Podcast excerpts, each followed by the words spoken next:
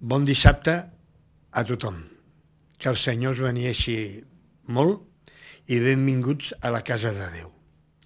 El títol del tema d'aquest matí eh, és De Cuc a Papallona. I el presentarem la família Còrdoba Caldera, Carolina, l'Àngels i jo, Elias Còrdoba. Si hi ha alguna criatura terrenal que reflecteixi de meravella el que és la metamorfosis i una transformació espectacular és la papallona. Ella és un símbol de superació, de creixement i de renaixement. També representa molt bé la perseverança, la paciència i la resiliència, que, com ja sabem, és la capacitat de superació a situacions adverses. Qui dels aquí presents no s'ha sentit atret per la bellesa, la sutilesa i la lleugaresa i moltes altres qualitats de les papallones? Tots no. Les papallones tenen una cosa especial, que no deixen indiferent a qui les està observant. Són els insectes més macos que hi ha al món. El Club d'Exploradors El Pinzón Azul de Gran Canària Fa alguns anys, quan vivíem a Canàries, i en concret en la isla de Gran Canària, les meves nenes i jo vam tenir el plaer d'estudiar-les per treure's la insígnia i fer una feina sobre elles i la veritat és que són realment curioses i fascinants. Una creació bellíssima de Déu pel nostre delit i aprenentatge. Ens agradaria que avui ens esplaiéssim una mica en aquesta essència en la seva meravellosa capacitat de transformació i extreure diversos paral·lelismes amb la nostra vida cristiana, que ens puguin servir d'ajuda en el nostre camí amb Jesús. Sabem que hi ha moltíssimes classes de papallones, de molts colors, mides, precioses i sobretot són les diurnes. També hi ha de nocturnes, que tenen un color més fosc, amb altres característiques valuoses. Però avui ens centrarem més en les diurnes, que representen millor la nostra exposició d'avui. Entre elles és molt famosa la papallona monarca, amb aquestes ales ataronjades i negres, que són molt grans. Són mundialment conegudes per la travessia tan espectacular de 5.000 quilòmetres que milions d'elles realitzen cada hivern, de Califòrnia a Mèxic grans polinicitzadores fan que molts ecosistemes prosperin. Sí, jo les acostumo a veure sovint a la primavera i a la tardor. Són unes papallones blanques, aquestes són blanques, lleugerament groguenques, que acostumen a ser en llocs tranquils on hi ha vida, aigua, aire pur, com parcs, boscos, paratges tranquils. Elles ens transmeten espurnes de felicitat. A qui les observa alegren la vista. Aparenten ser fràgils, però no ho són. Són lleugeres, però fermes alhora. Aquesta és una de les qualitats que comparteixen amb nosaltres com cristians, doncs eh, semblem febles a vegades i som més forts del que pensem. El vol d'elles és relaxant i veure-les aquieta la nostra ment sobrecarregada i la fa descansar. Fa un temps comentava amb una germana de l'Iglésia que tenim moltes similituds amb les papallones, en el sentit de que als ulls dels altres, elles, les papallones, resulten belles i delicades, però elles mateixes, o sigui nosaltres, no ens ho veiem. Elles mateixes no s'ho veuen, no s'ho aprecien, i poden pensar que són com cucs, perquè les seves boniques ales escapen a la vista i dubten que poden volar, o sigui, dubten del que són capaços de fer i d'aconseguir. Això em recorda un conte que conec sobre una papallona que creia que seguia sent un cuc. A mi m'agraden molt els contes i m'agradaria compartir aquest amb, amb tots vosaltres. Un dia, un petit cuc vivia en un bosc frondós va decidir enfilar-se a un gran arbre. Tant li va costar pujar que després d'admirar les belles vistes es va instal·lar a dalt, es va fer el seu llit, es va quedar adormit i dins del seu llit es va convertir en una bonica papallona, sense adonar-se'n clar. Ell, en despertar, es va sentir atabalat, molt passat. La seva esquena li feia mal, moltíssim, i li costava molt més moure's. Amb molt d'esforç va sortir del seu còmode llitet, on gairebé no hi cabia. Li havien crescut unes precioses ales blaves, però ell no se les veia. Va baixar de l'arbre amb les potetes. Se sentia maldestre, molt cansat per l'esforç, desfallit. Li, va res li resultava impossible avançar i es va donar que ja no podia enfilar-se als arbres com abans. Es va entristir i va començar a plorar. Una papallona blanca el va venir a veure i li va preguntar què li passava. No sé què em passa, peso molt, no em puc moure, em fa mal l'esquena, no puc enfilar-me i estic esgotat. Doncs prova a volar, li va respondre la papallona blanca. El cuc, cansat, va fer un gran, un gran esforç per mirar-se a si mateix. Amb prou feines podia girar el caparró i va descobrir les seves precioses ales blaves, però es va espantar i les va tornar a tancar. No facis això. Si no utilitzes les teves ales, les teves potetes es desgastaran massa, li va dir la seva companya blanca, que es va allunyar volant.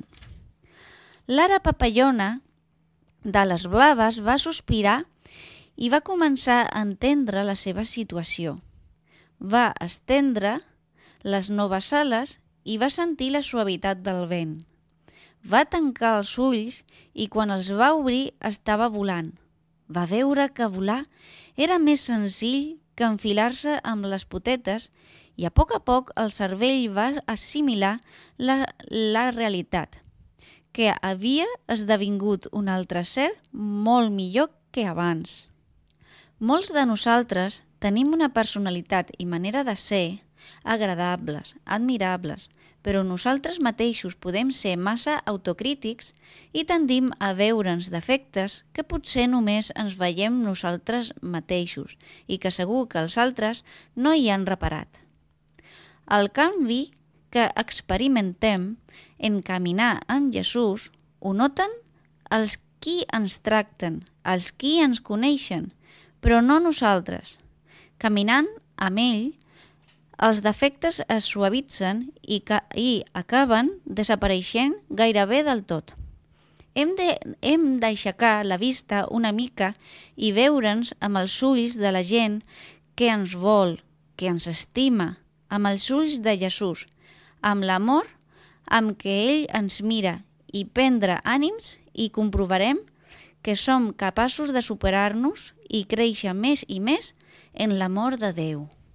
Quin conte més maco, m'ha agradat molt. Jo també coneixo un conte d'un cuc, però necessito ajuda i te demano, si, si us plau, si em pots acompanyar, però és un, un conte cantat. Què et sembla? Sí, sí, clar. Un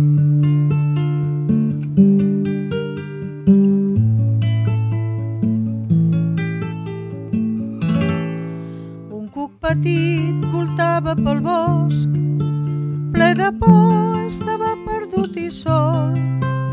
I de sobte una gran papallona, molt blanca i bufona, va aturar el seu vol i ell va admirar aquelles ales blanques brillant a les branques d'un vell auró.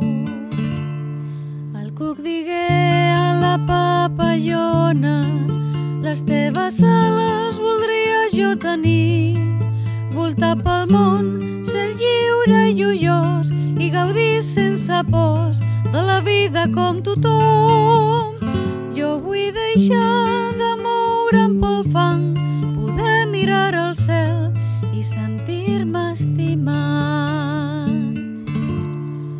La papallona en escoltar-ho una llàgrima va besar.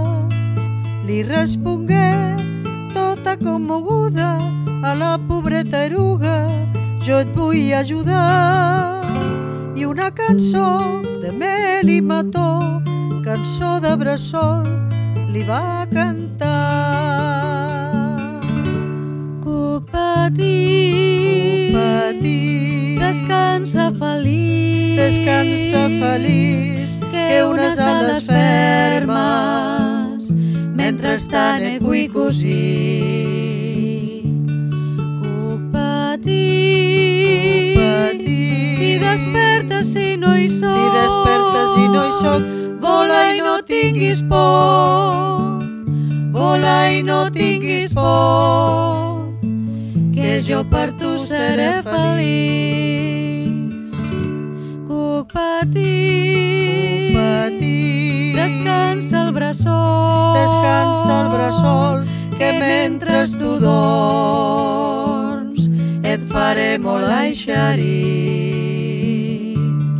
Cuc petit, petit, quan despertis volaràs, quan despertis volaràs, tinguis por, vola i no tinguis por, perquè al cel arribaràs. i el cuquet en despertar en una tolla es va mirar i es va veure amb unes ales blanques molt fermes i maques i llavors va volar i molt content jugava amb el vent gaudint de les flors i de tot el seu voltant. I mentrestant cantava la cançó que al costat del bressol quan dormia va escoltar. Cuc petit, Petit, descansa feliç, descansa feliç, que unes ales fermes mentrestant et vull cosir. Cuc petit, petit, si despertes i no hi soc, si despertes i no hi soc, vola i no tinguis por, vola i no tinguis por, que jo per tu seré feliç. Cuc petit, petit, descansa el bressol, descansa el bressol, que mentre tu dorms et faré molt eixerir. Cuc petit, petit, quan despertis volaràs, quan despertis volaràs, vola i no tinguis por, vola i no tinguis por, perquè al cel arribaràs.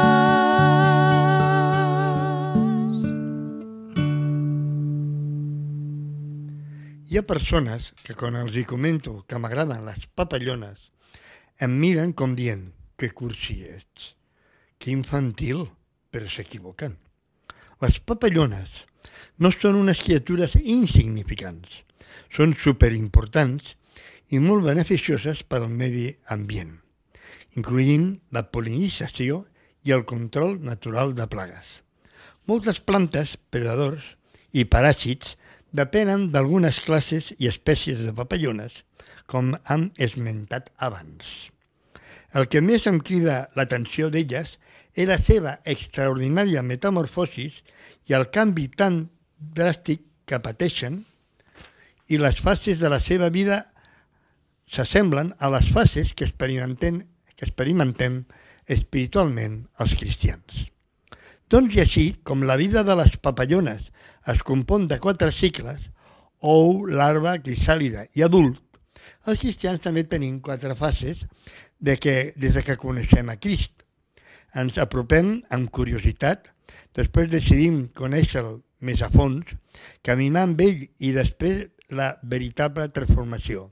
Quan passa la conversió, que és el canvi de sentit a la nostra vida, d'anar pel camí de la vida, allunyant-nos de Déu, girem 180 graus i caminem cap a Déu. Quan la papallona és cuc, és l'inici, un cuc espiritualment seria com la persona comú que només viu per viure, sense cap objectiu. Després, un cop s'ha implantat la llavor de l'Evangeli i és bona terra, és a dir, és un cor receptiu, germina. Aquí l'Esprit Sant comença a cuidar aquest germe per, per, portar-lo a bon terme. I és quan el nou creient té moltes preguntes, té molta gana espiritu espiritual i el desig constant de s'endollar-la i de trobar respostes satisfactòries. Després ve la segona fase de l'arba, que devora tot el seu pas. El nou creient es desenvolupa i consumeix la paraula de Déu, de Déu i els escrits d'Helena White voraçment. No pot parar. Busca, escudrinya, assimila i compara si aquestes meravelles que està descobrint són certes. És aquí quan la persona rep, atesora i absorbeix tota la transformació que pot i comença a posar-la en pràctica, alimentant-se i creixent correctament amb estudi de la paraula i la comunicació directa amb el pare de la vida. La tercera fase és la fase on es gesta la veritable transformació, la crisàlida. Aquí es pot aplicar a la fase prèvia al baptisme i és on es forja i preparen la nova criatura de la qual es parla en segona de Corintis, capítol 5 i versicle 17. Doncs bé, he buscat a la Bíblia i diu és a dir, els que viuen en Crist són una creació nova. El que era antic ha passat, ha començat un món nou.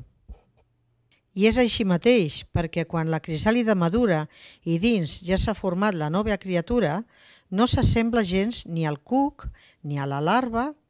És diferent, és molt millor, preciosa, perquè li han sortit unes ales meravelloses. Espiritualment, nosaltres, quan ja estem a punt de sorgir, unes ales invisibles han crescut en el nostre esperit, eh, unes ales que ens donen seguretat, ens porten contínuament davant del tron del Déu, de Déu en oració i a la seva paraula, a la seva presència rebem aquesta llibertat, aquest goig i aquest amor que ens atorguen aquestes ales i que usem per escollir-lo, a ell per sobre de tot, sabent que tota la resta ens serà afegit, com ens diu a l'Evangeli de Mateu, capítol 6, verset 33 que diu així, diu així, vosaltres busqueu primer el regne de Déu i fer eh, el que ell té per just, i tot això us ho donarà de més a més. Que bonica esperança que tenim. Recordo aquells temps de la infància. Recordeu, no sé si vosaltres heu tingut eh, aquells capulls de seda, no? Que qui dels presents no ha fet això? Eh, teníem una capsa de sabates foradada plena de coquets blancs que s'alimentaven de moltes fulles de morera i de mica en mica s'anaven tancant en aquells capolls inerts dels quals alhora sortien les papallones. Imaginem aquest, aquest moment preciós en què eh, el capoll es comença a trencar, necessita volar, ja està preparat. Ja la papallona està a punt per començar una nova vida, una nova existència. Ja només foscor, a poc a poc se va obrint a la llum exterior i tímidament, al principi, va començant a mostrar el seu eh, ésser renovat. Els canvis fan molt de mal, això és veritat. Possiblement la nova papallona té por, té dolor, té moltes dubtes, tem el rebuig dels que segueixen sent cucs, però la seva transformació, un cop ha començat, ja no té marxa enrere. No es pot quedar estancada al mig, no té cap més remei que seguir endavant i arribar fins al final. Això és com un embaràs que té que dur a terme. Això passa amb el Senyor. O estàs amb ell o no estàs amb ell, però a mitges és impossible. O ets fred o ets calent, però tevi no pot ser. Un cop completa la seva meta i està a punt, ha la nova criatura, no s'hi veu com és de preciosa. Veu les altres papallones com si fossin millors que ella, tot just se n'adona de les velles ales que ara posseeix i tanmateix són allà, disposades a portar-la on ella vulgui sense haver d'arrossegar-se mai més a una vida buida, a una vida fosca i penosa com la que abans tenia, una vida sense Déu, buida i monòtona. De ser un cuc lleig ha passat a ser una bellíssima papallona i una papallona ja no pot tornar enrere a convertir-se en cuc, oi? Què penseu? O sí que pot? Es veu una mica estrany, perquè a la natura això no pot ser, i per això nosaltres, com a papallones espirituals, no podem enyorar ni retrocedir a la nostra etapa fosca d'eruga. No obstant això, hi ha casos, tristament. Un cop hem, hem estat cridats i caminem amb Déu, ell ens ha adoptat com a fills i ja no som més criatures de Déu, sinó família de Déu, mitjançant el baptisme. La nostra vida queda aferrada a la voluntat divina i podrem caure mil vegades, ensopegar, distreure'ns del camí bo, però un cop Déu ens aixeca de nou, seguim caminant pel camí a l'eternitat, seguint les petjades de Jesús. I no ens podem perdre, simplement el secret és no desviar-nos del camí recte, rebutjar tot pensament que ens porti a una mala acció o a una mala paraula i romandre units a Crist com els pàmpols a la vinya. A Romans 12.2, aquí podem, eh, diu, no us emmulleu al món present, deixeu-vos transformar i renoveu el vostre interior perquè pugueu reconèixer quina és la voluntat de Déu, allò que és bo, agradable a ell i perfecte. Aquí, en aquest verset, podem veure que Déu ens exhorta a transformar-nos, a convertir-nos, a millorar, a ser una millor versió de nosaltres mateixos. Hi ha molts exemples bíblics de transformacions increïbles. Hi ha molts, però avui escollirem un de l'Antic Testament i un altre del Nou Testament, Moisès. Tots coneixem la seva trajectòria de ser fill d'esclaus hebreus, adoptat per una princesa egípcia, en mans de Déu va passar a liderar el poble d'Israel i portar-lo a la terra promesa. Pau, un fariseu que perseguia els cristians i consentia en la seva mort, en el camí a Damasc es va trobar amb Jesús i va passar a ser un apòstol pòstum, però excel·lent i fructífer.